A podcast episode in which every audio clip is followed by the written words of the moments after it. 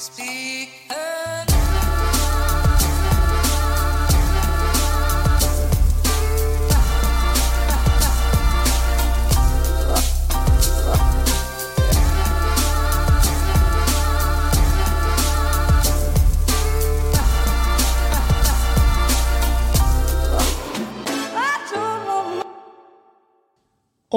de nasjonale tiltakene, de fortsetter. De fortsetter akkurat sånn, uh, sånn som de har vært.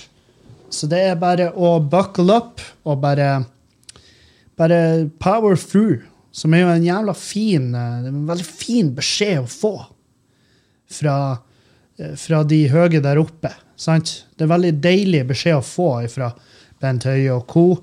At det er bare å bite dere fast. Ja, nå har det seg sånn at denne puben får jo fortsatt ikke jævla kroner. Ikke et forpult rødt øre. Uh, og vi har uh, i Bodø så har vi ingen. Ingen caser. Ingen caser, og det er ingenting som ikke er kontroll på. Ja, men du må jo vite, Kevin, at det er jo garantert noe mørketall. Ja, men vet du hva det er mørketall i? Det er mørketall i absolutt alt. Det er mør mørketall i hva faen enn du tar i. Hvis du kjøpte en pakke majones på butikken, så kan jeg love deg at det er noen mørketall kobla opp mot den majonesen. Da, da finansierer du en eller annen mørketalls majonesmafia fra Litauen, der de, der de, der de kverner de her majones... eh, Jeg vet ikke hvordan dyr majones Nei, men faen heller.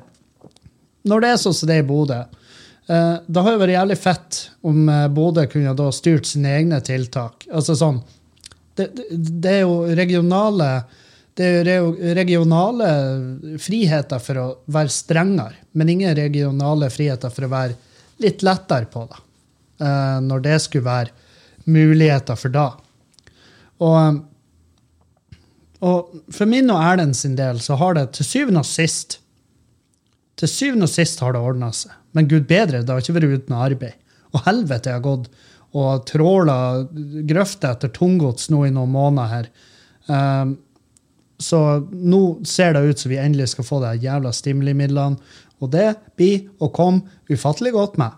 Ufattelig godt med. Og da skal vi fortsette å betale den jævla prisen. Det skal vi jo som pub og som komiker. Så skal vi fortsette å ta den. eh, Og det er jo ikke, jeg vet jo, det er jo ikke bare oss. Men få de der forpulte tiltakene ut på kjøpesenter nå! Få de ut på kjøpesenter ujævla middelbart! Det er så fette sinnssykt å se inn der.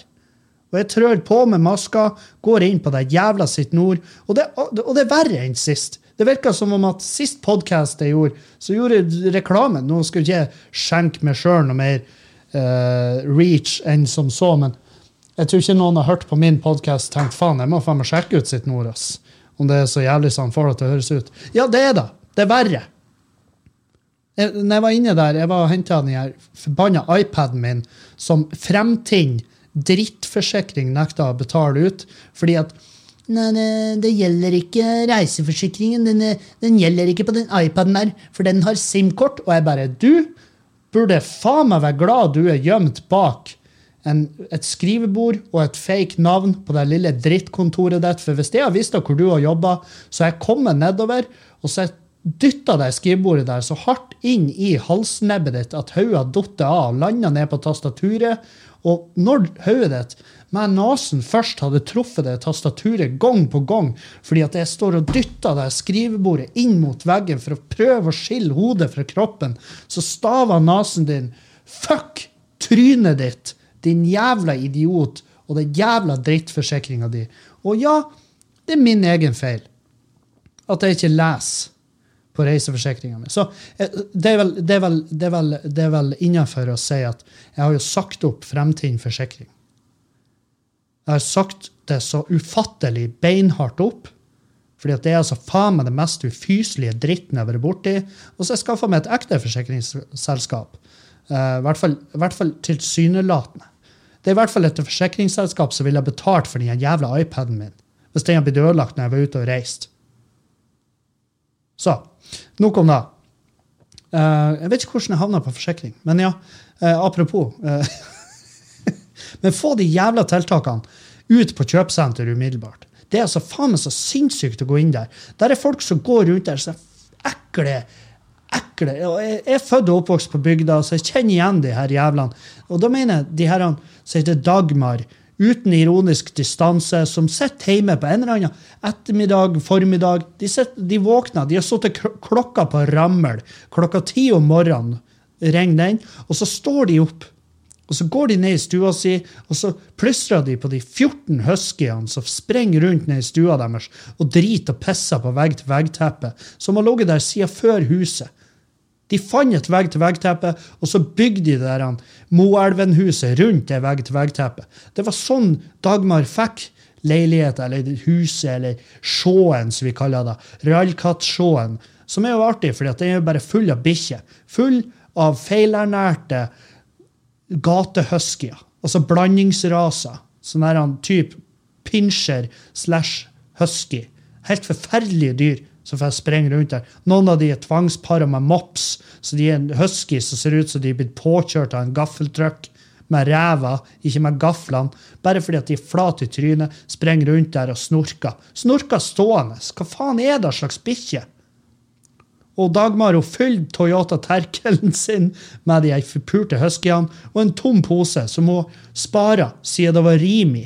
Siden hun kunne gå på Rimi og handle. Hun spara det handlenettet. Hun tar det med seg, fitter det i bilen, kjører innover til Bodø og rett inn på, rett inn på sitt nord. Og ikke, Jeg sier ikke at hun Dagmar tar, ma, tar med seg hun, han. Hva faen er Dagmar? Er det, er det et navn? Skal vi se. Faen meg Google da òg, midt oppi der. Dagmar. Dagmar, Dagmar. Dagmar. Ekstremnavn. Et kvinnenavn. Ja, så rett jeg har. Altså, det jeg, jeg er i dag gammel Jeg er i dag dager gammel når jeg fant ut at Dagmar er faen meg et jentenavn. Eller, det er ikke et jentenavn, det er et, det et kjerringnavn. Du kan ikke hete Dagmar når du er jente. Du heter noe søtt. Du heter, du heter uh, Jeg vet faen. Lene helt til du blir 90. Og så blir du bare Ja, du, gratulerer med 90-årsdagen. Fra nå av så heter du Dagmar. Og Dagmar hun tar med seg Toyota Terken, fette fulle huskyer, kjører innover til Bodø, rett inn på sitt nord, og bare Å, du hildrande du, her har da forandra seg. Det vil jeg nå absolutt si. Da ser du ikke helt likens ut fra når sist jeg var her. Da var noen da var noen, da var noen Torgeir med meg òg, men Torgeir han er jo død. Og, eller jeg går ut ifra at han er død. Han ligger nå på rommet, men han har ikke beveget seg på 14 dager. Så jeg tenker nå at det kan jo være greit å kanskje ta med hjem noe sånn her han spray, så jeg kunne holdt på han før jeg, før jeg knekker han løs. Det er noe sånn her han ja, det beveger seg jo litt av hvert av dyr rundt, så kanskje jeg skal ta med noen limfeller òg. De har jeg hørt er knakende gode. Det så jeg faktisk på TV-shop hjemme her så jeg lurer på hva jeg skal ha da, så skal jeg nå se det. Å, dæven steike, fette nye, skinnende blanke håndtak her på sitt nord. De har jo pussa opp uh, noe Batley, så jeg skal, jeg skal nå prøve å få slikka på alle håndtakene jeg kan. Det er nå en liten sånn der fetisj jeg har etter jeg leste om det i et magasin som havna i feil postkasse her ute. Så jeg skal nå springe rundt på senteret her, og så skal jeg se om ikke jeg kan Uh, møte noen kjentfolk på Coop-kafeen. Det er noe alltid kos da å sette seg der med et lite dekkesmørbrød, og så kanskje da gå imellom bordene, da. Og så gå fra bord til bord og hilse på alle. Tenker jeg. Og så skal jeg nå ned og se om de har tatt ekstra. Det er lenge siden jeg har drukket tabbe Extra. De, de, de, får det jo ikke ut på matkroken der jeg bor, så jeg, tror, jeg håper de har det nede på Coop Obsen her. Det er nå battle i svær butikk, så jeg må jo bare, jeg må bare håpe at jeg går med vill. Da tenker nå jeg, Så skal jeg prøve en av spritdispenserne som Erna Solberg maser så bedre om. Jeg har ikke sett dem før, men jeg, jeg skal nå finne ut hvordan de fungerer. Og så drar Dagmar og trør på sitt nord hele jævla dagen, hilser på absolutt alle og ser, tar folk i handa, slikker på dørhåndtak, og bare, og bare er der. Blant seks Hva var det de sa de hadde på sitt nord? På Black Friday, eller hva faen de kaller. De hadde over 6000 mennesker der. Over 6000 mennesker der inne. 6000 dagmarer som for rundt og og bare var feit og viskøs og 40 000 underliggende sykdommer. Og de får drulta seg imellom ganger. Spiller det er som en sånn pingpongspill. Hvor de bare Pinball. Bare ding, ding, mellom alle veggene på hele sitt nord, og det er sånne sneglespor etter dem fordi at de er så fulle av både sykdom og utflod fra før. Altså, hvem faen vet om faktisk korona er da vi trenger å frykte mest? Men Dagmar tar jo selvfølgelig med seg koronaen da herifra. ifra byen der vi har et fungerende, flott helsetilbud. Så tar hun dem ut til ingenstads, der hun har den her lille Moelven-brakka si. Og så setter hun seg rett på varmekablene i stuegulvet og leker med de her pisshundene som aldri har gått en tur i sitt liv. Lengste turen de har gått, det er fra stua og ut til den hønsenettingbelagte Toyota Terkelen hennes. Det er der de har fått sin trim. Og hun setter seg ned på stuegulvet der, full av urinveisinfeksjon, full av korona hun har skaffa seg i Bodø.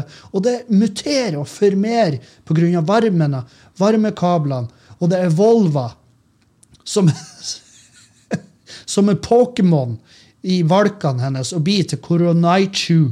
Og så bare en helt psyko-korona. En korona som har føtter og armer eller klør. Som bare sprenger ut av kroppen til Dagmar som en jævla alien-fødsel. Og sveiper over hele forpulte bygda som en aggressiv gonoré. Og blir med presten og liket av Dagmar innover til byen. Sant? Og derfra sprer den seg i Bodø eller i hvilken som helst storby som er i nærheten, så sprer den seg der som Tinder-matchene til Northug. Og så er vi faen meg i gang. Og så er vi fette i gang nok en gang. Og alle de vaksinene vi får med uh, ifra hvordan helst altså hvordan som helst jævla uh, supergeni som har laga de her vaksinene. Når de kommer innover til oss, så er de ubrukelige. Fordi at Dagmar og 7000 andre måtte på City Nord og se om de hadde tabba ekstra. Sant? Og de Men Men vi kan ikke ha mer enn 50 stykk. jeg har mine tanker.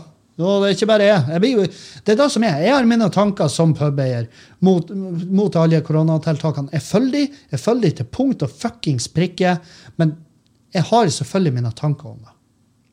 Og jeg ser Anne Marie Ottersen, skuespiller fra Fredrikssons Fabrikk, går ut mot koronatiltak. Og Jeg gadd ikke engang å bla opp, for jeg tenkte umiddelbart det her har jeg ingen jævla Jeg har ingen som helst interesse av å høre hva Anne Marie Ottersen tenker. For jeg nekter å tro at det faktisk er noe som gir mening der. For jeg bare tenker at Hvis jeg leser det, så finner jeg ut at hun er Team Kari Jakkesson, og så tenker jeg ja vel, da får hun bare dø, da.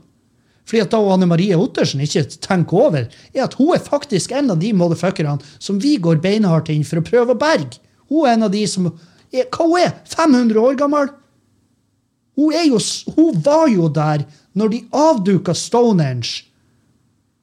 Og så er hun ute mot koronatiltakene. Hva var vel livet uten deg? Det var enklere, Anne Marie. Det var mye enklere. Det var da det var.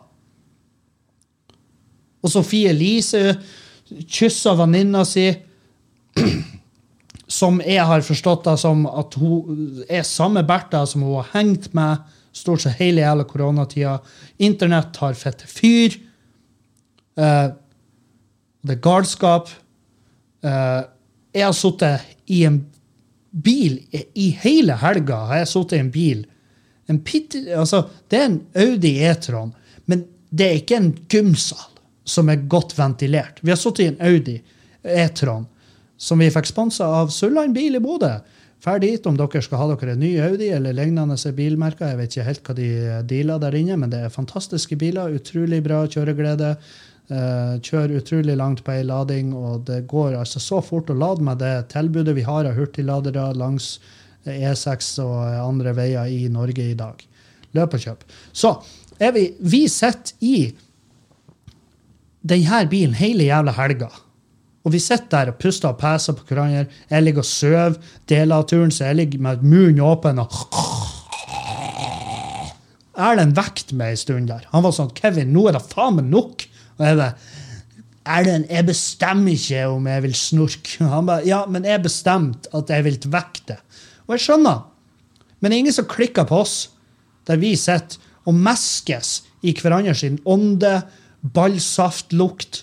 Alt. Altså, vi sitter der i, et, i en kupé, fire mann i lag. Er, er vi da? For jeg, jeg bare fatter ikke Altså, hører dere hva jeg gjør nå? Jeg, jeg går Sofie Elise i forsvar. Hva er det at hun la ut bilder av det? At det sender en beskjed? Jeg, jeg, jeg forstår det bare ikke. Forstår, gjerne arrester meg på hva det er jeg tar så fette feiler her. Og så er Erna Solberg ute og, og kommenterer forholdet Sofie Elise har til bestevenninna si. Og så sier ja, nå er det veldig viktig at vi bare kysser kjærestene våre. At vi ikke kysser noen andre enn de. At vi bare kysser de vi er sammen med. Nå vet ikke jeg om Sofie Elise er sammen med hun jenten. Men hvis hun ikke er det, så må hun ikke kysse med henne. Da må hun kysse med kjæresten sin, og hun må ha bare én kjæreste. For det er bare meningen at vi skal ha en. Kan ikke ha flere kjærester, vet du. Det er 2020. Så eh, jeg veit ikke. Var det, det, var det noe sånn du tenkte på? Og hvis Sophie Elise kan la være å kysse på venninnene sine, så kan kanskje vi òg feire jul i år. Da kan vi alle gå ut på kjøpesenteret. Da kan vi samles alle sammen. På nærmeste kjøpesenter kan vi hilse på alle vi, alle vi ikke har sett på flere år. Kan vi gå helt opp i fjeset på dem, så kan vi si 'Nei, er det du?' 'Ragnhild, er det du?' 'Nei, det er meg.' 'Dagmar! Dagmar er ute og handler julegaver.' 'Dagmar, så hyggelig.' da.» Det, er så, det, det blir så dumt. Det blir så fette dumt. Der vi sitter, vi sitter og fister hverandre på busser trikker. Jeg ser, altså, nå, nå reiser jeg svært lite kollektivt. Jeg reiser fly. Og der sitter vi tett nok, spør du meg. Tettere enn vi burde. Og ja, vi har maske på oss. Og det er good. Det er bra. Jeg har til gode ennå å møte noen som har tatt i en maskediskusjon. Men folk, er, folk vet det bare. Hvis jeg går på det flyet, nekter å ta på meg maska, ja, da blir jeg igjen, da. Så da er ikke folk så jævla kule, er de vel? Da er de ja, ja, tar på seg maska. Ja, jeg, jeg tar nå vel på meg den forbanna maska, men jeg liker det ikke. Ingen her liker det. Ingen av oss liker å ha på oss de maskene. Men jeg kan vedde på at når, hvis det der kommer, altså hvis det sprer seg, det den dumme jævla drittholdninga som er borte i USA altså Jeg gir faen! Om det her er, om det, om det er bullshit, om det viser at det er masken, det er bullshit, og vi kommer ut av det her, og de bare Ja, vi lurte dere. Masken er bullshit. Ja, greit. Jeg blir irritert, fordi at da skulle jeg gjerne ha funnet en Jeg skulle funnet noen jeg kunne ha fakturert for de maskene jeg har kjøpt. Det skulle jeg gjerne ha gjort. Men det har ikke ødelagt meg. Det har ikke ødelagt meg. Det som kunne ha ødelagt meg, har vært at jeg var grunnen til at noen daua. Det kunne ha ødelagt meg. Og jeg ser de jævla dumme videoene fra USA når folk, de jævla munnpusterne bare oh, you, can't, wait, you can't make me wear a mask. I wear a mask if I damn wants just to. But I don't wanna. So you can make me. Uh, yes, sir, we actually can make you because it's a policy at our store. Oh, fuck your policy, man. I ain't wearing a mask. And I'm gonna shop at your store. I'm gonna buy me a gun. I'm gonna buy me a case of bullets. And I'm gonna walk up to the nearest elementary school. I'm gonna keep guard in case some other lunatics wants to shoot up the school. Ah, ja, sant? Og så hvis den der driten sprer seg hit, så blir jeg blir fette tullete. Bare tanken å måtte Bare tanken å måtte møte en sånn der jævla person skremmer. For da er det sånn her Hvordan blir jeg å da? Eh, kommer jeg til å bli Kommer til å bli fys-Kevin? Kommer til å bli Kommer til å blåse meg opp og bare Du, du din eh, rabagast, er benkpressa 60 kilo. For det, det er ikke kødd. Det er det tyngste jeg noensinne har greid å, å benkpresse. Jeg var, jeg var sterk i alle andre øvelser, men bryst, niks. Det er ingenting der. Det er bare to klepper, to heksehatter som stikker opp av brystkassa mi. To ekle. Jeg har ikke, jeg har ikke brystmuskler, jeg har pupper. Jeg har sånn underutvikla 13 år altså Det er jo ikke underutvikla. Hvis du er 13 år, så er det vel helt normalt å ha to sånne der, tupp Altså, det ser ut som den fremste delen av en strekka lest henger under på hver side på brystkassa mi. Nok om det. Men hvordan blir jeg å reagere hvis jeg møter på de her tullingene som bare nekter å omfavne hele det her jævla driten med maske? Og det, det er drit. Maske er drit. Men det det gjør, er jo ubestridelig eh, positivt. Er det ikke det? For det skal jo forhindre spredning. Sant? Det skal ikke altså Det er folk bare ja, men Du tar på håndtak, du tar på ting og tang, tar det i fjeset, og så er du smitta. Ja, men det vil du gjøre uansett. Du må, du må, ikke, du må ikke, overføre den direkte bruks... Uh, du må ikke overføre de direkte uh, bruksinstruksjonene fra et rom der de skal utføre åpen hjerteoperasjon. Altså åpen brystkasseoperasjon. Eller du vet noe, en bypass. Eller at de er jern til noen og fikler. Og, oh, han har glemt femgangen. La oss bare pille opp i hjernen til at det ordner seg. sant? Det, det, er ikke den type renhold. Vi kan ikke det. Det går ikke an. Ingen av oss har muligheten til å forlate vårt eget hus før vi har kontaminert oss sjøl og alt det her. Men det, det, det de masken gjør, er at de forhindrer at den dumme jævla pusten din fer rundt i rommet. Og da forhindrer den dumme jævla pusten til en dum jævla person som sitter rett over eh, setet fra det. Deres pust fra å gå gjennom hele rommet. Det, det er da det gjør. Sånn at det er dråpesmitte rett i det dumme fjeset ditt. Det er da, som, det, er da det handler om. Så ja, hvis du, hvis, det, hvis du får covid, så får du det. Og da har du fått det fordi at du har pilla det i øyekjeften etter du har vært og pilla noe annet i ræva. Jeg vet faen hvordan du får det, men du får det av den grunn.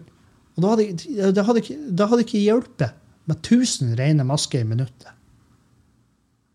Fordi at vi kan, vi vet ikke, og det er ikke meninga vi skal vite. Det er ikke meninga vi skal greie å te oss som om vi er i en operasjonssal. For da er det bare å holde seg hjemme. Hold deg hjemme, vakuumpakke huset ditt, og bare sitt der. Hvis det er da som er målet ditt. Fordi du vil møte på 12 000 dagmarer som har en Evolva korona, korona IQ. Korona 2.0, om du vil. Du vil møte på de. Og da er det bare å prøve å la være. Prøve å la være å ta henne i den handa og strekke den fram til det. Og så er det Dagmar. Jeg skal håndhelse det på den handa med seks fingre? Nei takk! Hva var vel livet uten deg? Og det var så mye enklere da, om vi bare kunne gitt faen. Hadde ikke det? Det hadde vært dritmye enklere hvis vi kunne bare gitt faen. Korona har 0,95% dødelighet per registrerte smitta kontra dødstall. og så hører jeg sant, når jeg er ute og reiser Om vi gir faen, så vil jo de underliggende sykdommene òg dø ut. Ja, det Nei, det vil det ikke. Fordi at så lenge vi fortsetter å heder, heder stivelse, i den grad vi er her, og prøver febrilsk å ta igjen USA i våre heder av elendig kosthold, så kommer vi til å ende opp der de er, hvor en av de mest heftige altså Alle de underliggende sykdommene, hjerte-karsykdommer, overvekt generelt, diabetikere Alle de her jævlene dauer som fluer. Sant?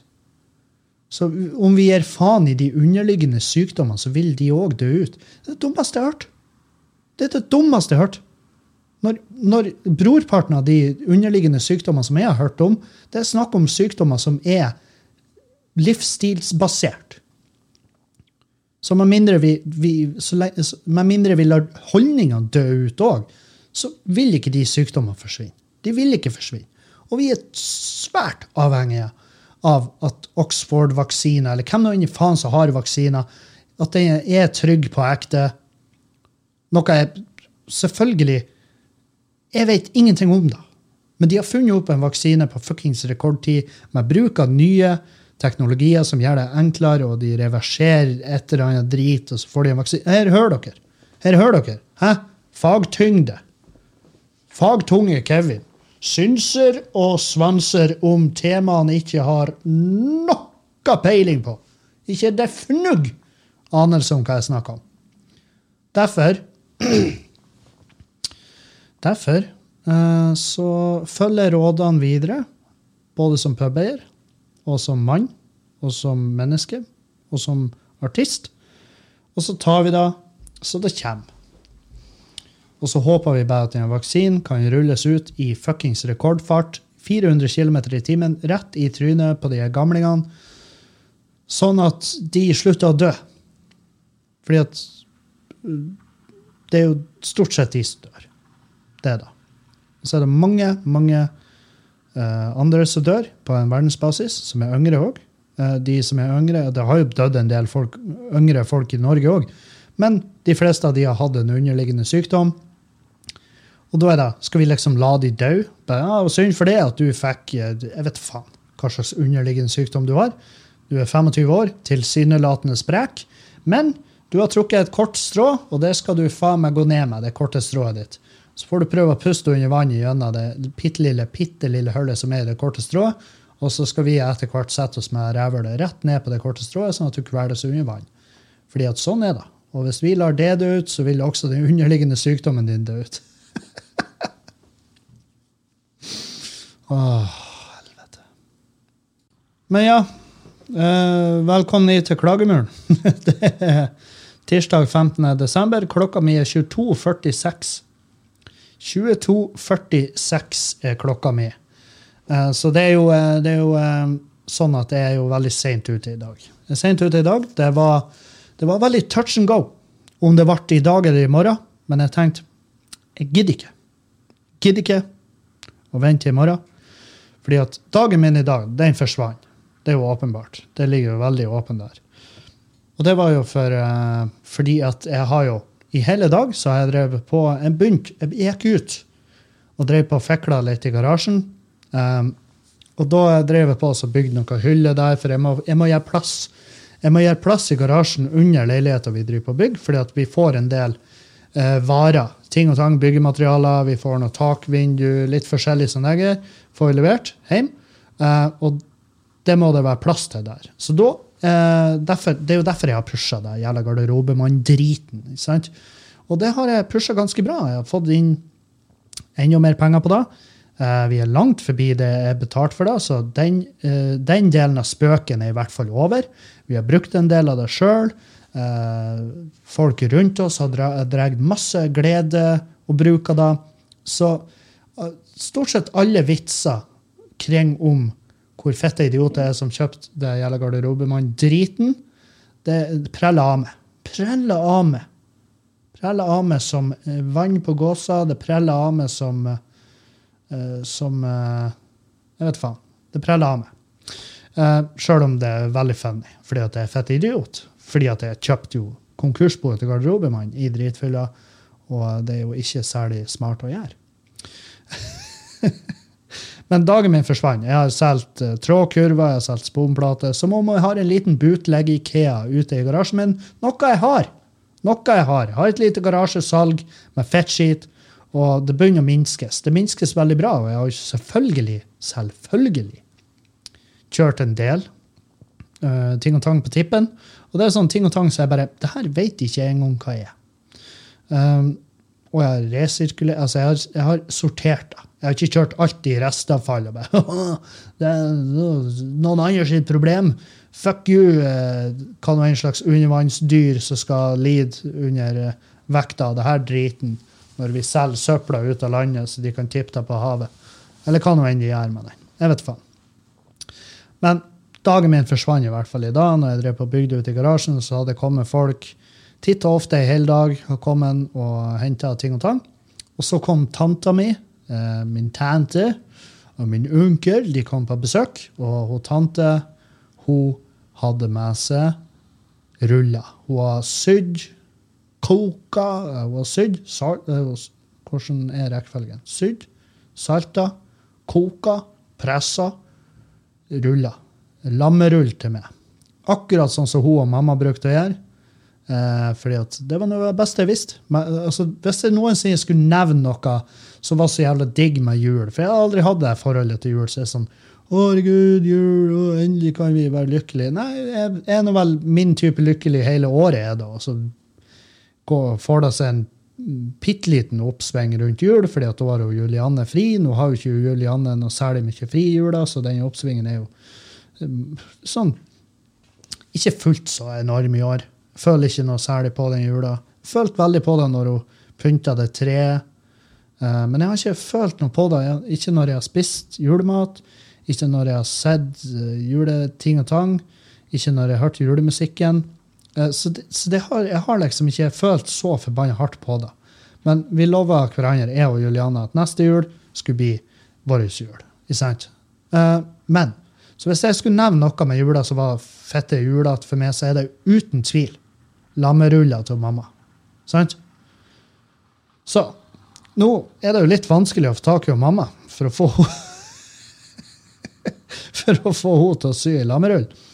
Rest in peace. Og, eh, og eh, jeg, jeg, tenkte jo da at faen òg hvis den, hvis den, åh, kunnskapen om å lage mammas lammerull døde med henne. Det gjorde den ikke, fordi at tante og hun brukte å lage lag. Så og tante og ungene der, hun har jo 5000-6000 unger i det huset, um, de har da laga en litt sånn lammerullfabrikk. Og um, så har hun sydd og ordna til meg, og da var Da følte jeg Da følte jeg, da hørte jeg noe bjelle. Da var det første jeg gjorde.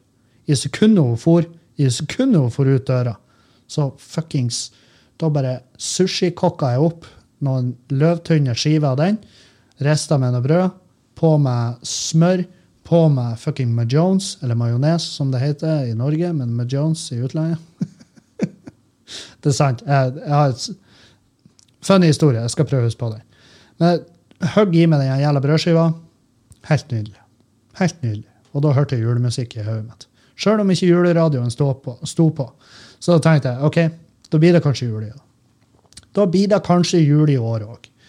Uh, eh, vi har jo gitt avkall på Altså, vi, vi gir jo ikke noe julegave. De julegavene vi gir, er jo i form av VIPS til onkelungene, og that's it. Ikke sant? Uh, og sånn får det være. Og nå har det seg sånn at Søsknene mine de lager så faen meg så inn i helvete mye unger. Det, altså, det er Det er så sykt mye unger. Det er unger overalt. Unger i alle himmelretninger, i alle størrelser, i alle former, i alle Absolutt alt. Unger overalt. Og det er helt nydelig. Unger flott, flott fordi det er veldig hyggelige onkelunger jeg har. De er nydelige, de er fine, jeg er glad i dem. Men um, Så, så det, det, begynner å bli dyrt. det begynner å bli dyrt å være onkel, og det, det er jo ikke mange som på en måte, Det er jo ikke mange som har uh, trua på at i år skal bli det året der onkel Kevin virkelig briljerer med å bla og åpne slusene til den utømmelige onkel Skrue-kontoen hans. Den barnløse kuken. Han må jo ha djevelsk med penger. Nei, jeg har ikke det.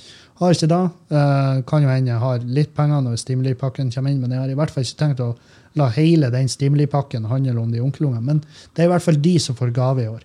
Det jeg innser da, det er jo at Jeg får jo ikke noe gave i år. Han pappa har vippsa meg. han vippsa meg i helga. Da sa det plong. Den 12. Den 12. desember sa det plong. Eller det kan være en slags uh, lyd den vipsen. Det, det, høres litt ut som en kvalp som, uh, som Du vet når hunder tar seg fire runder i en sånn hundesekk sånn, på puta si eller pleddet der de ligger og så legger de seg, snøgler de seg helt nedi, og så er det sånn Sånn er den lyden på vipsen. Og den kom på den tolvte, og pappa vipsa med 'God jul'. Um, og som er jo helt supert. Det var helt nydelig. De pengene kom kjempegodt med uh, i helga. og men, men jeg innser jo da at det blir ikke noen julegave under det jævla treet. Så jeg vurderer å lage seg en fake julegave. Jeg, jeg vurderte også å dra på et hvordan som helst jævla hotell og stjele julegaven som de har liggende under der. Men i tilfelle det er sånn julegave som er ekte, som de har tenkt å gi til Bymisjonen, så blir det jævla dumt hvis vi da sitter, og, sitter inne med 2030 gaver som vi tror er fake, og så er de fulle av iPader og sånn som han eh, Stordalen har kjøpt for å kjøpe seg bedre samvittighet. Så det blir liksom eh, Det blir ikke noe julegave under det treet. Og da tenkte jeg er det noe som blir å er det noe som blir å gå inn på meg? Jeg tror ikke det. Jeg vet jo Julianne får masse julegaver, at hun uh, Hun er jo enebarn. Uh, og så har hun ei slekt rundt seg som har et litt, litt annet forhold enn uh, den slekta vår. For jeg innser jo at av Jeg er jo 31, så jeg kan jo egentlig ikke forvente noe. Og når jeg har sagt til da mine venner at det blir ikke noe særlig julegave i år, og de er sånn Nei, vi er helt enige. Og det er, sånn, det er jo superordning. For da slipper vi å delta på det her jævla enorme jaget mot å bruke mest mulig penger. Og selvfølgelig, i år, med tanke på økonomien og med tanke på alle småbedriftene og alt det her, det er bare det at jeg vil ikke inn Jeg vil ikke inn på Sitt Nord noe mer enn jeg må. Jeg har ikke lyst til å dra inn der. Ja, hvis jeg har vært på hugget, hvis jeg har tenkt på det her mye, mye, mye tidligere, så selvfølgelig ville jeg hatt det igjen for å bare bestille på nettet for det, det, må være greit å gjøre i år. Og det, samtidig er det kjipt. Man får dårlig samvittighet. Du skal ha dårlig samvittighet hvis du går utendørs, men du skal også ha dårlig samvittighet hvis du lar den lokale lille sjappa gå under fordi at ingen handler der. Så hva faen er det vi skal her, da? Hva, tilby oss en løsning. Ta nå i hvert fall og innfør en fuckings obligatorisk Altså, de her jævla maskene på kjøpesenter. Innfør de masken. Vær nå så snill. Så skal jeg gå og handle julegave. I hvert fall to-tre. Jeg vet faen. Jeg blir jo ha noen julegaver i tilfelle det er noen dumme jævler som nekter å høre etter de reglene. Så skal jeg ha julegave stående hjemme. Så bare Å, ja, her kommer du med julegave. Ja, ja, jeg skal se om jeg finner de. Og så springer jeg opp i gjesterommet, og så har jeg en tusj liggende der. Så skriver jeg i full fart eh, navnet deres på den, og så i det sekundet de tar julegave, så ser de at det er, nylig skrevet på, fordi at de setter tommelen sin på etiketten, og så gnir de ut navnet. Som er, en, som er en teknikk de har lært seg fra tidligere år. For de var sånn, Jeg lurer på om Kevin er en sånn fyr som sprenger opp på gjesterommet sitt, og så skriver han navnet på julegaven. Og så gir han de til oss og sier ja, jeg har noe gave til dere òg. Og så er det egentlig ikke til oss. Det er bare en nødgave han har kjøpt, i tilfelle vi var så fette idiot og ikke hørte etter reglene på det her med julegave. Og det er han. Han er han fyren. Ja, men du er hun kønta som kjøper julegave uansett. Enda vi ble enige om å ikke gjøre det. Sånn at, og så gjorde du det som en hersketeknikk. Sånn at du kommer med den gava, så får jeg følelsen at det er en dildo som ikke har råd. Og jeg har like god råd som det, så jeg kunne jo ha kjøpt en julegave. Men nå ble vi nå enige om at vi ikke skulle gjøre det. Men du valgte å ikke hedre den avtalen vi hadde, og dermed tror at du er et overmenneske, mens i mitt hus er du egentlig bare en snudd opp ned utedass som red nedover et lite spedbarn som, som, bare sitter der med ei rangle i handa og aner fred og ingen fare. Og det er meg. Jeg er da spedbarnet. Helvete. Ah. Men ja, få de jævla tiltakene. Få de på plass, sånn at vi slipper Slipper å stå Fenger og Dagmar på sitt nord noe mer. For ei helg det har vært. For ei forbanna helg det har vært. Um, og for ei uke det var forrige uke.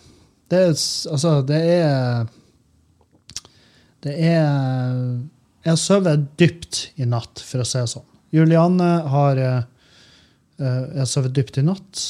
Jeg sovet, altså natt til i dag. Jeg har sovet enda dypere natt til i går. Da var Julianne sånn at jeg holdt henne våken. og så kjefter hun opp om morgenen. 'Du må jage meg ut.' For vi har jo den avtalen at hun har en ekte jobb i ukedagene. Så da, har hun eh, vetorett. Altså hun har i hvert fall fortrinnsrett på det soverommet. For hun er den største makta i huset. I hvert fall i ukedagene. sant? Så da har hun rett til å hive meg ut av soverommet hvis hun ikke får sove. Da hører vi etter. Vi hører etter og gjør som vi får beskjed om. Akkurat sånn som når Russland tok Krim når Russland invaderte Krimhalvøya, og resten av verden var sånn Ro dere ned, folkens. Hva er det dere ønsker vi skal gjøre her? Skal vi gå til krig med Russland?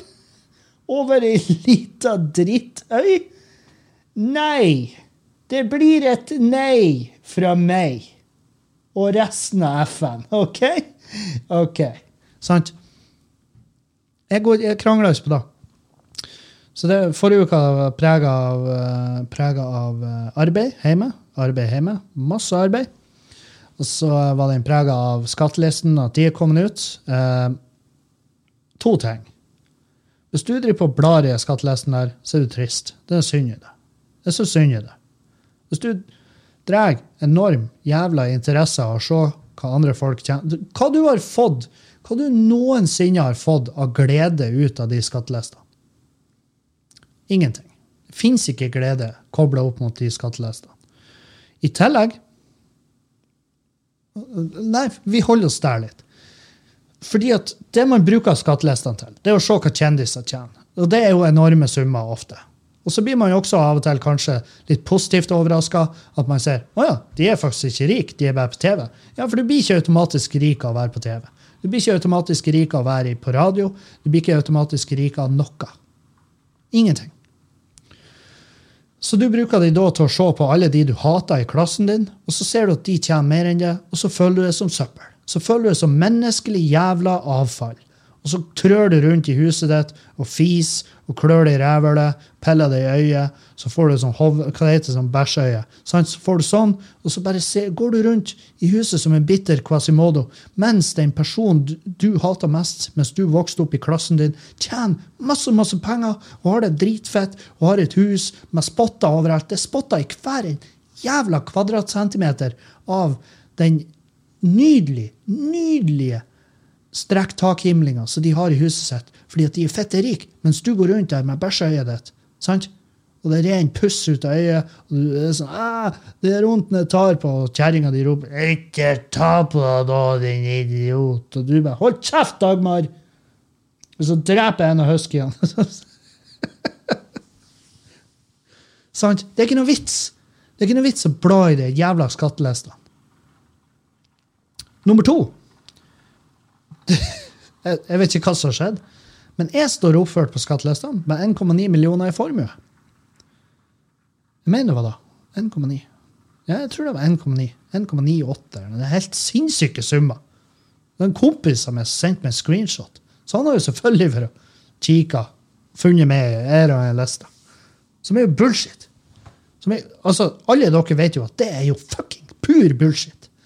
Den summen ligner eh, ligner forferdelig på hva eh, halvparten av det huset vi har kjøpt oss, er verdt. Men hvorfor havna det på formue? Hvorfor i all verdens navn og rike havna det som formue? Kan dere som har peiling på økonomi, forklare meg hvorfor huset har havna som formue? For jeg da jeg kan, med 100 000 100, altså bare 100% for det går ikke høyere. 100% sikkerhet så kan jeg si at jeg har ikke 1,9 mil. Hvis jeg hadde 1,9 mil, så hadde jeg ikke sittet og shotta på Vips stream i, i, mars. Det kan jeg love dere. Um, men jeg, han kompisen min, jeg tror det er gammelpenger. Jeg, bare, ja, jeg skulle ønske det. Jeg skulle ønske jeg hadde glemt noe på en eller annen konto. Sånn fondskonto. Dæven steike! Det fondet kjøpte for 1000 kroner, der bitcoin, det ble jo pine ganske så lukrativt til slutt. Nei, det har ikke skjedd. Dessverre. Så nei, det blir ikke. Men det blir jul. Det blir jul. Det blir jul. Fordi vi får stimuli-midler fra staten. Takk, Norge. Tusen takk. Det kommer etter hvert. Endelig, endelig, endelig. Um, da blir det flekksteinbit fra Aminor. Flekksteinbit Steinbit er jo helt fantastisk god fisk. Jeg er veldig glad i å spise god fisk. Uh, vi skal komme tilbake til en god fisk jeg har spist i helga. Uh, men i hvert fall flekksteinbit De, de, de, de uh, begynte med oppdrett da på Halsa, der jeg kommer fra.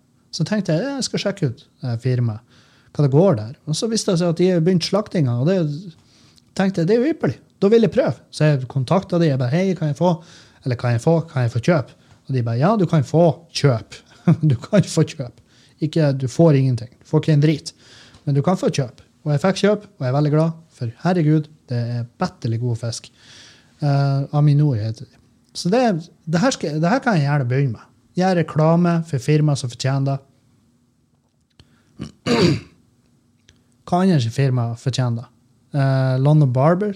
De barberer fjeset mitt her i Bodø. Og det er faen meg Når de legger det varme håndkleet over trynet mitt etter å ha barbert meg Det Og det ligger ikke der lenge. Det ligger der i jeg vet ikke hvor lenge. 20 sekunder. Det er de 20 beste sekundene noen sier. Hver gang de gjør det, så er det de 20 beste sekundene i hele mitt liv. Og jeg tenker, Hvorfor gjør jeg ikke det der hjemme? Hvorfor har ikke jeg et sånn lite varmeskap som de har der? Litt sånn dampskap. Så de legger hånddukene inni, og så tar de det ut, så vifter det litt, sånn at ikke de legger deg for tidlig på, og så står de og kjenner på deg. ikke sant? Sånn at ikke de legger deg for tidlig på fjeset mitt, og så fjerner de fem hudlag. Eh, sant? Så legger de deg i fjeset mitt, holder de deg der, gnur litt, så bare er jeg en ny mann når de tar deg bort. Helt nydelig. De fortjener det. Aminor fortjener det. Eh, Fogg Gildeskål, jentene der, de er fette rå. De lager helt fantastiske, kule huer. Jeg vet ikke hvor mange Fogg Gildeskål-huer jeg har, men jeg, tonnevis av dem. Og jeg har betalt fuckings full pris for de alle, fordi at de fortjener det. Det er reklame jeg liker. Det er reklame jeg lett kunne ha gjort. Bare, Hvis noen har et firma som fortjener det, så skal jeg gjøre det til en spalte. Skal jeg gjøre det til en spalte og bare lage reklamer for firma som fortjener det. Matgrossisten i Bodø. Uten de så hadde denne puben her for 100 000 år siden vært fette ut... Altså, da, jeg vet ikke hva de har hatt der inne. Om det har vært, koronahotell, eller om det har vært feltsykehus, eller om det har vært, eh, bare vært en sånn massiv leilighet for 12 000 polske eh, snekkere, altså, flisleggere. Det, det, det, det, kunne vært hva som helst her. Og det hadde vært, ikke vært oss, i hvert fall. Det hadde ikke vært oss og skulle bare her. Hadde ikke vært for matgrossisten. Så det er reklame jeg kan gjøre. Uh, ja, jeg skulle fortelle om Jones. jeg jobba sammen med en herlig fyr før. Uh, jeg skal ikke si navnet hans, for han, uh, han blir han, er, han, er, bare en fantastisk mann. Og så uh, har han bare gått ut ifra at uh, majones det var, Majones er jo, et, er, jo et, uh, er jo en mer eksotisk, eksotisk kondiment som man bruker for å komplementere og komplettere en uh, matrett ofte. han har vel bestemt seg for at det kommer ifra enten Sånn, sånn som han uttaler, så skulle vi tro han har bestemt seg for at majones det kommer ifra England. Og Derfor kaller han det Majones. Det jeg husker jeg brukte å spørre fredager. Det var banna bein. Fredager kommer han på jobb, har med seg kokt egg. Da har han stått opp litt tidligere. Stått opp litt tidligere, kommer på jobb. Eh, at, eh, og han står jo opp tidligere for å koke eggene. For å rekke å koke eggene. Og han kommer på jobb i arbeidsbrakka da, til lunsj på fredager. Så drar han opp matboksen, og der har han fem brødskiver. Han smører de på med soft flora. Og så spør jeg hva skal du ha på brødskiva di i dag. Så sier han i dag så er det egg og med Jones. Hver, hver jævla fredag. Jeg og med Jones. Og, og det er sånn der Jeg har så lyst. Jeg har så lyst til å bare Uansett hva det koster meg. La oss si, Jeg vet ikke hva det koster. En tur til London. En tur til London det koster vel jeg vet faen. Hvis vi bor på et crap dritthotell, så tror jeg, det, tror jeg vi kommer oss unna med under 10 000 per pers. Det, det, her, her, hører dere hvor peiling jeg har på reise. Du får det sikkert til for 2000. Jeg vet ikke. Og akkurat nå så burde du vel kanskje gi faen. For London er jo The Walking Dead. sant? Um, men i hvert fall, i hvor som helst annen tid så har det vært jævlig artig å heve han på et fly. For til England bare for å se han i frokosten når han spør en av de som jobber på hotellet, bare, Excuse me, do you have my Jones? Og de bare Hæ? Do you have my Jones? I need my Jones for my eggs. And uh, I, would, I would very much like it if you could get me some Jones, please. Og de bare I'm sorry, sir, I do not know what you're talking about. Og fordi at sånn prater hun, fordi at hun klarer ikke å Etter den bilulykka hun var med så klarer hun, klarer hun ikke å bevege kjeven. Bare hvor deilig det har vært å kunne, kunne være vitne til. Og han spør etter meg Jones. Men ja, herlig mann. Um, så det blir julemat i år. Det blir flekksteinbit, det blir pinnekjøtt, og jeg får jævlig masse meldinger, spesielt på uh, Og derfor lurer jeg på om jeg skal lage pinnekjøtt ganske snart. Sånn at jeg kan lage en ny video hvor jeg forteller og viser hvordan jeg lager pinnekjøttet mitt. Uh, men jeg kan jo fortelle det her òg. Dere har jo fortjent det, dere òg, sjøl om dere ikke er patrions. Pinnekjøttet er superenkelt. Det er som alle. Det, det er som en gang du ser en VG-sak hvor det står Sånn her har du ikke sett pinnekjøttet lagd før. Ligger det bak en plussak? Vel, velkommen bak plussida. Mandelpoteter i bunnen av kjelen. Mandelpoteter i bunnen av kjelen. Boom. Ferdig. Fuck de pinnene. Ta og Hiv de pinnene der de hører hjemme, i ovnen. I peisen. Fuck de pinnene. Fuck de pinnene der. De, de gir meg ingenting.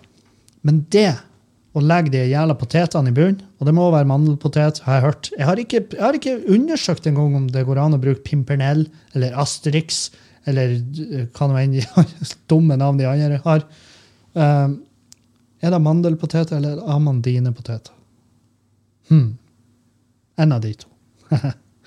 Men i hvert fall, legg det i bunnen av kjelen, og så legger du pinnekjøttet oppå der. Uh, det jeg også gjør som kanskje ikke så jævla mange andre gjør, er at jeg damper det i mørkt øl. Grunnen til det er at jeg elsker øl. Syns det er helt fantastisk. Eh, det er også veldig undervurdert å bruke i matlaging. Eh, så derfor så bruker jeg øl eh, til å dampe pinnkjøtt i. Bruker jeg mørk øl, en porter eller en stout eller en juleøl. Du kan mikse det òg. Men det som har gått igjen, er at jeg bruker øl som er krydra. Da blir det veldig ofte en juleøl. Um, jeg kan anbefale Baudin sin uh, The Curse of William Tell. Uh, nå er det vel ikke så jævlig mange igjen av de der ute, så du kan bruke uh, mørkved. Det har jeg brukt. Jeg har også brukt faktisk har, En gang så har jeg strukket meg så jævlig langt at jeg brukte Tussvatnet. Og det er forferdelig god øl. Og i år så skal jeg bruke Tussvatnet, at jeg har faktisk et par flasker av Tussvatnet som jeg sjøl laga når jeg jobba på Bodin i fjor. Herregud, så koselig, da! Sant? Og det som skjedde et år Og det, det, det her burde dere ikke sikte på. Dere burde ikke gjøre det her som eh, deres mål. Men jeg holdt på å koke det tørt.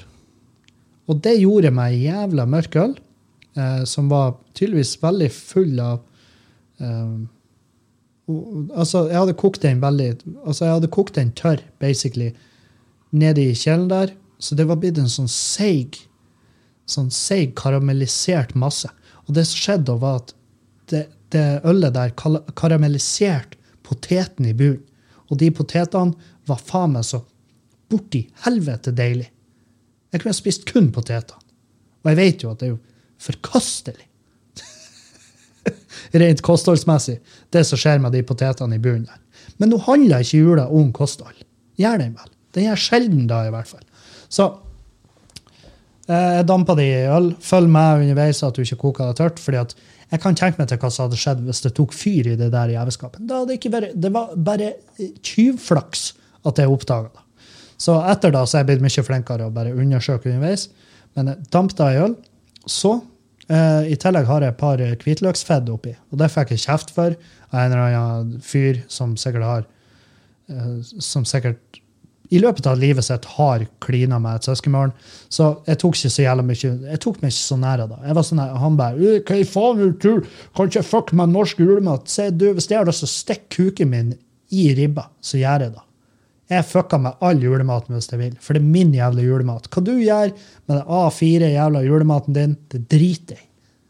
Jeg legger meg ikke borti det, at jeg vil ikke komme inn i stua di på det jævla elendige flismønster Ikke engang det jævla belegget, det der kommunale belegget i stua di, med R13 skligrad Sånn at du kan trø der på stumpene dine til du dør, uten å være redd for å skli i ditt eget hus. Jeg vil ikke komme inn der. Jeg vil ikke komme inn i den boligen din og sittet meg ned på respotekksbordet ditt og spist julematen din. For jeg aner ikke hvem du er, og jeg liker deg ikke. Sant? Så ha din mening, for all del. Men jeg tar ingen kritikk på at jeg lager maten min sånn at jeg syns den er fette digg. Så det jeg gjør, når jeg er ferdig å dampe det gjelder pinnkjøttet i ølet, tar jeg ut, legger det på stekebrett, og så gjør jeg overgrep nummer 10 000. Akasiehonning. Du vet, honning fra de tubene. Fette digg. Du kan bruke hvordan som helst honning. Der kan du bruke lynghonning, du kan bruke ekte bihonning hvis du er røkter, birøkter. Ja, da har du tilgang på tidenes honning. Og så tar jeg den, så varmer jeg den litt, og så pensler jeg den. Pensler den over, over pinnkjøttet, og så skjerper jeg det i grill, under grillen i ovn, i bare noen få jævla minutter. Så er pinnkjøttet fette klart for å, for å bare bli. Så jeg tar det opp, jeg hiver det opp i lufta, og så får jeg hvem enn som er spiselamma til å Zlatan Ibrahimovic brassespark det pinnkjøttet rett inn i kjeften min. Og så har jeg det helt nydelig. Sånn vil jeg ha det. Så vet du da. Sånn lager jeg det pinnekjøttet. Jeg skal komme med noen anbefalinger. Deadly Class uh, ligger på Netflix. Og så vil jeg anbefale Utopia. Det ligger på Prime Video. To veldig fine serier. Veldig glad i de seriene. Uh, kan jeg virkelig anbefale. Jeg har også sett sesong én av The Terror på uh, Prime.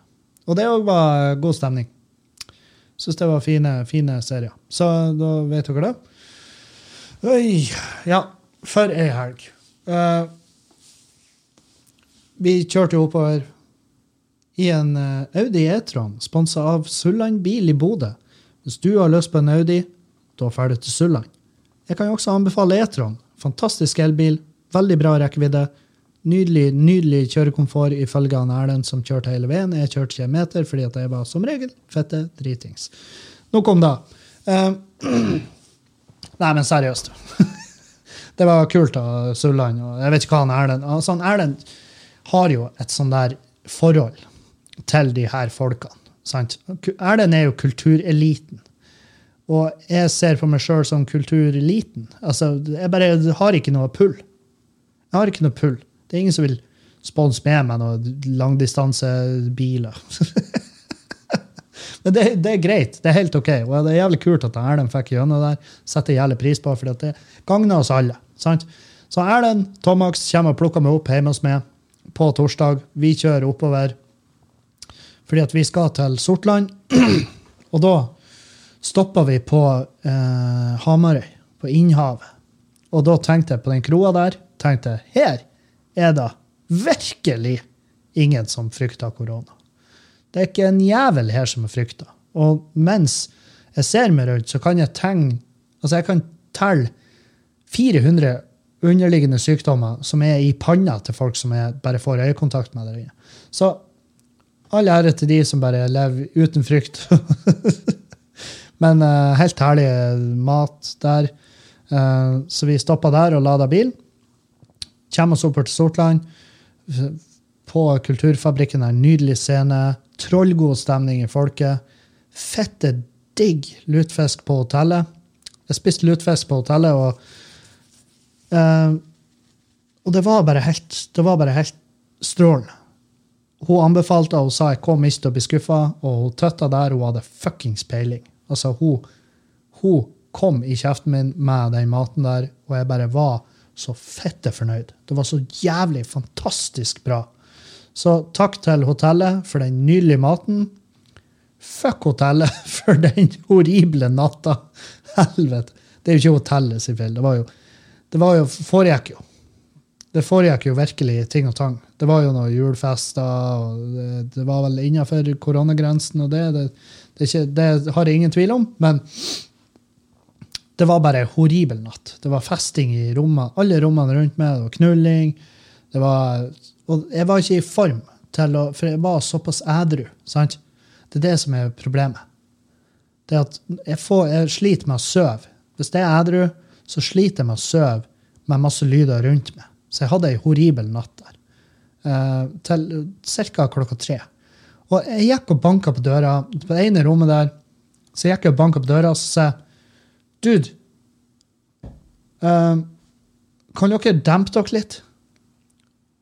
For jeg skal kjøre i morgen, og så han bare I don't uh, understand what you're seeing. Jeg bare uh, I'm sorry, uh, could you could you guys just turn it down a little bit because you know me and my friends are traveling tomorrow and we're driving and I'm just trying to get some sleep because it's going to be a long day and yeah, OK? Og så sier han Not my problem. Og så smeller han igjen døra. Og jeg tenkte vel, vel. Se, OK, kult. så gikk jeg ned, og så hinta jeg frempå om at det var litt sånn trøbbel det der. Og så sånn eh, Ja, jeg skal ta en prat med deg. Sånn her stemning, og så går jeg opp igjen, og så er det stille i en halvtime, og så er det på'n igjen. Og da våkna jeg, og så tenkte jeg, og da sa jeg til meg sjøl ja, ja, da slåss vi, da. ja, Kevin, du skal, og du skal og banke opp eh, noe beinharde, beinharde alkoholiserte østeuropeiske håndverkere. Det tror jeg ikke du skal gjøre, Kevin. Men jeg gikk nå iallfall ut, og jeg hamra så fette hardt på den døra. Jeg har aldri slått så hardt på ei dør som jeg gjorde da. Og de åpna ikke. De åpna rett og slett ikke døra. Og eh, da ble det stilt. I hvert fall til jeg fikk sove. Så var det jo i gang. Klokka sju om morgenen igjen, så var det jo arbeid. så da, da var det noen i en lift rett utafor romvinduet mitt. Og jeg tror de bytta vindusbeslag på romvinduet. Og det var sånn her Vinduet mitt sto åpent. Sant? Det er et sånt vindu så du, sånn sjølmordsvindu, eller anti-sjølmordsvindu. så du kan bare åpne og dytte ut. Så står det bare på skrått ut. liksom. Og han som sto utafor og jobba, han sto og lena seg på det vindusbladet. Så det bare slo inn mot karmen på rommet mitt. Bare mens han sto og lena seg. Så det var sånn Sant? Og jeg var sånn Er det mulig? Og jeg bare fucking, jeg sto bare opp, og Så jeg var gretten hele fredagen. Altså, fredagen bært preg av at jeg var fette gretten. Men vi kommer oss til Harstad. Vi blir møtt på uh, Hotell Arcticus, som er jo et satan for et hotell. For noen folk. Og, for, eh, og han Erlend selvfølgelig er jo big, big, big ball in Erlend, ikke sant? Får seg, han får to rom. Som dør imellom rommene. Så han har to rom. Ene rommet var jo et naturlig sånn der fellesrom. Men artig at de ga fellesrommet til han Erlend, som ikke drikker og ikke henger. For han gjør show, og så han gjør show, og så går han og ser noen dokumentarer om hvor fette bra Bill Gates er. ikke sant? Og så that's it. Mens jeg og Thomas, Thomas og han eh, Henning, vi drikker jo. Men vi satt og drakk faktisk på det fellesrommet, og så gikk vi alle og la oss samtidig. Vi la oss samtidig. Erlend var innom og sa hei, og så gikk vi alle og la oss. Uh, og det var naturlig. Men herregud, for en nydelig scene i Harstad, for et nydelig publikum. Tusen hjertelig takk. Uh, og tusen takk, Arcticus, for fine, flotte rom, en tacobuffé, uh, kattebilde på rommet. Alt var bare 100 på stell. Dagen etter kjører vi til Narvik. Og jeg er ikke noen Scandic-mann. Det her har dere sikkert skjønt på meg fra tidligere. Jeg er egentlig ikke noen Scandic-mann. Uh, helt, helt, helt fine rom, men det er liksom det er aldri noe, det er aldri noe mer enn det. Og det er, det, det er jo det som er med Scandic. Det er sterilt, det er helt uh, uttrykksløst, og så er det bare aldri noe ekstra. I hvert fall når jeg er der. Uh, og men vi kom i hvert fall til, eh, til Narvik, sjekka inn på rommene, og så dro vi på froko, eller sånn lunsj hos en fiff. Jeg kaller han Fiff Alajassen. Det er En fiffete kompis av Erlend. Han har ordna en sånn nylig julelunsj til oss. Og så eh, var det jo trø litt rundt i byen. Jeg var innom han TV Tormod. det er ikke kødd. TV Tormod, det, det står på et skjelt over butikken. Det er altså på ekte en butikk som heter TV Tormod. Uh, Tormod selger TV. Han selger, andre, han selger alt. hvitevarer. er- Det er Elon-butikk, kan du si. Uh, der var jeg inne og skulle finne en USB-C-kabel. Det hadde han ikke, men han hadde mikro-USB. Så det var Åh, herlig. Herlig. Eh, så var det bortover på Kulturhuset der. Um, og det er jo et gammelt, men utrolig sjarmfullt kulturhus. sant? Det er, et, det er et mye mer sånn typisk Jeg vil kalle det et eh, grenseland. Altså det er, en, det er en blanding mellom et uh, samfunnshus og en kino. Men det er helt nydelig. Nydelig scene. Um, men dritings publikum. Fette dritings. Og en fire-fem stykk, fire, stykker i salen som satt og hoia og kuka og styra. Og jeg kom til et punkt i settet mitt hvor jeg var sånn her Nå sliter jeg med å holde dem. Altså, de, de som var der for å se standup, de var virkelig der for å se standup, men det var noen folk der som var fette, fette dritings. Og jeg tenkte fuck de. Fuck de, for at jeg ikke får lov å bare fullføre en bit. Og det er så, det er så jævlig irriterende. Så jeg, jeg gjorde det. Jeg bibra, jeg Justin Bibra som faen, og så bare kutta jeg litt før. Kutta settet mitt Jeg kutta vel ti minutter før, tror jeg. Da bare sa jeg nei, men takk for meg. Så, Eh, og var, jeg tror ikke det var noen der som var ufornøyd, men jeg tror det var noen der som merka at jeg gikk av tidligere, og de, de sendte meg melding og bare 'Jeg skjønner godt at du gjorde det'. Så takk, takk for den bekreftelsen, men tusen hjertelig takk, Narvik, og takk alle. Nå til helga så er det Hammerfest, så er Alta. Det blir fette nydelig. Nå har jo ikke vi han Tomax eller han Henning med oss dit, fordi det koster jo fortsatt mer å fly til Hammerfest enn det koster å kjøpe seg leilighet der når du først er kommet hit. Så, så vi har liksom bare, vi har rett og slett bare ikke fått plass til det i budsjettet, sånn som jeg har forstått det. Så sånn er det nå da. Men vi skal til Hammerfest og Alta i helga, og eh, det blir helt nydelig. Gleder meg. Gleder meg som en hund, gjør jeg. Eh, det, og det skulle jeg si, det er fortsatt billetter igjen til ekstrashowet i Alta, så hvis du er kjapp på labben, så kan du få med deg det. Kan du rett og slett få da med det. Oi, oi, oi. Så jævlig bra overskrift her. Uh, dro fra familieselskap fordi det ble dårlig stemning. Slektning tipset politiet om fyllekjøring. og det er sånn uh, Det er sånn der uh, det, det kunne jeg så jævlig fort ha vært med. Altså, jeg har jo Herregud, jeg har en del av slekta som jeg ikke har like stor kontakt med som jeg hadde kanskje før i tida. Eh, det, var, det er aspekter med, mi, med morssida av slekta mi som jeg så utrolig mye opp til, og uh, basically jeg var sånn her Jeg hadde sånn jeg, Altså, jeg forguda de. Det var motherfuckere som jeg ville, fuck, jeg ville ta det i kula for de, jeg ville brunne for de. Men samtidig så finner man jo ut etter hvert at det her er, fucking, det her er folk som ikke ville ha gjort. Altså, De ville ikke ha pissa på meg om jeg sto i brann. Sant? Um, så, så jeg har på en måte Etter at mamma døde, så var det sånn, ja, men det er naturlig, naturlig for meg å ikke ha så jævlig mye kontakt med dem. Fordi at vi deler ikke. Deler ikke syn på ting og tang. Uh, flere av de har gjort og sagt ting som jeg kanskje kan altså, det Ikke bare kanskje, men det er rimelig forkastelig, rett og slett. Så vi har ikke kontakt lenger. Og, og da se, så jeg den overskrifta der, og det ser jeg for meg kunne jeg virkelig ha blitt um, Virkelig kunne ha blitt uh, på en måte uh, resultatet av et sånt familieselskap nå. Bare, oh, la oss samle hele, hele Kildal-slekta!' Og så bare Nei! Dritdårlig idé! For da blir det halloi, det blir drikking, det blir slåssing. Noen blir å dra derifra, og de som sitter igjen, de blir å ringe purken fordi at de for derifra. fordi at hva faen. Og så at jeg, Nei, jeg bare ser for meg for et shitshow det der må ha vært.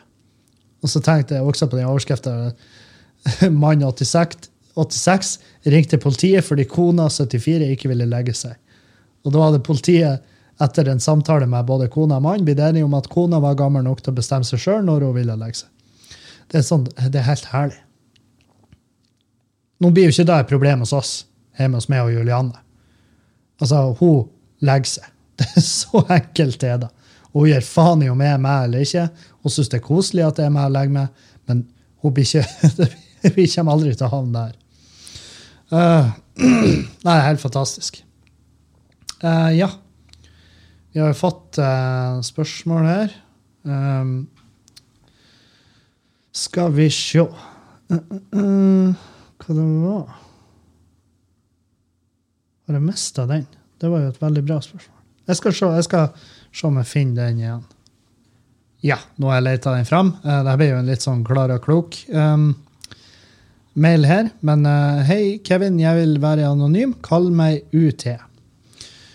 Um, jeg er en hetero gutt på 17 år som har en kjæreste. Vi liker å rimme hverandre, og jeg kan gjerne ta en ringer i rumpa.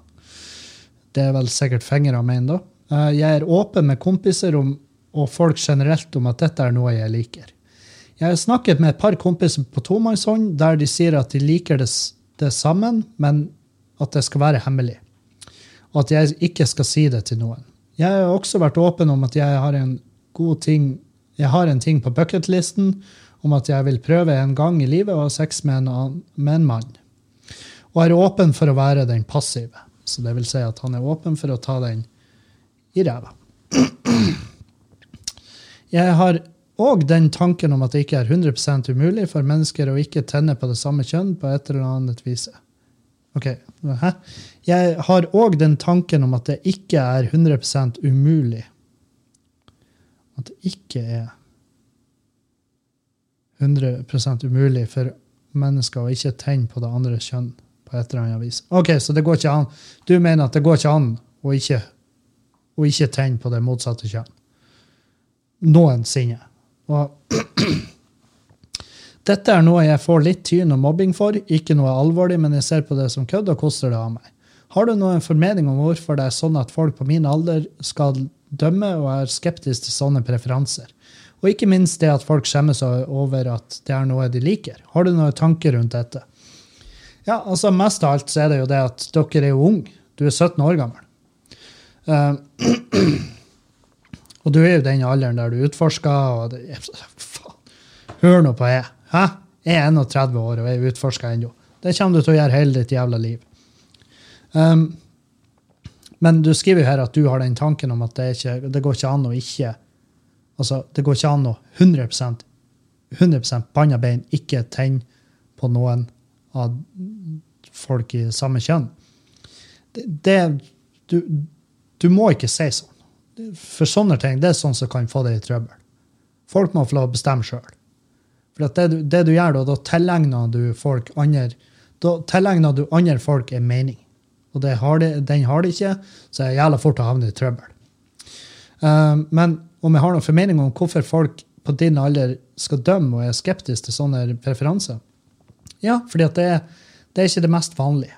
Det er ikke det mest vanlige, og derfor så vil du få en del piss for det.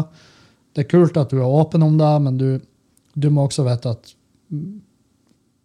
når du er åpen om noe, så vil folk ha en mening om det, og det er ikke bestandig det positive. Men det fine med verden i dag er at hvis folk dømmer det for hva nå enn du syns er fett, eller ikke syns er fett, så, um, så, vil du uansett Til syvende og sist vil du finne uh, en eller annen form for folk som du kan lene deg på, som respekterer deg for den du er. Og du er 17 år gammel. Du skal bytte ut du skal mest sannsynlig bytte ut kjærester, du skal bytte ut venner. Du, skal, du har en lang jævla reise foran deg. Så hva faen vet vel vi? Plutselig, når du er 35 eller 30 eller 25, så hater du homofile. Det er det verste du vet. Du får går i et tog nede i Stavanger med en Og homofile, det er muslimer. Bare at, ikke helt det samme, men jeg hater de begge. Det er det jeg prøver å si. ikke sant? Fordi at du, du skal forandre det noe jævlig. Du skal utvikle det i alle himmelretninger. Det, kan, det blir mest sannsynlig å gå helt strålende. Det kan gå til helvete. Så so buckle up, kid! Nei, du, du eh, Du får garantert litt tyn og litt mobbing. Eh, det gjør jeg en daglig basis, eh, både fra venner og folk jeg ikke kjenner. Og det det preller av meg òg. Jeg, jeg, tar det ikke til meg noe særlig. Jeg kan bli irritert, men da velger jeg å bare ikke svare eller blokkere. Jeg er blitt jævlig flink til å blokkere. Blokkere veldig mange. Og, synes, og det er meg en følelse av makt òg, så det, det, er helt ypperlig. Men ja Og ikke minst at det finnes folk som skjemmes over at det er noe de liker. Ja, det vil jeg også gjøre. Det er jo altså, det er ikke, det er ikke forbeholdt uh, homofile å være i skapet. Det kan være fetisjister, det kan være folk som har preferanser innenfor hva nå enn det er. Så vil de Med en gang det ikke er det mest vanlige i hele verden, så vil folk føle at det er kanskje litt spesielt.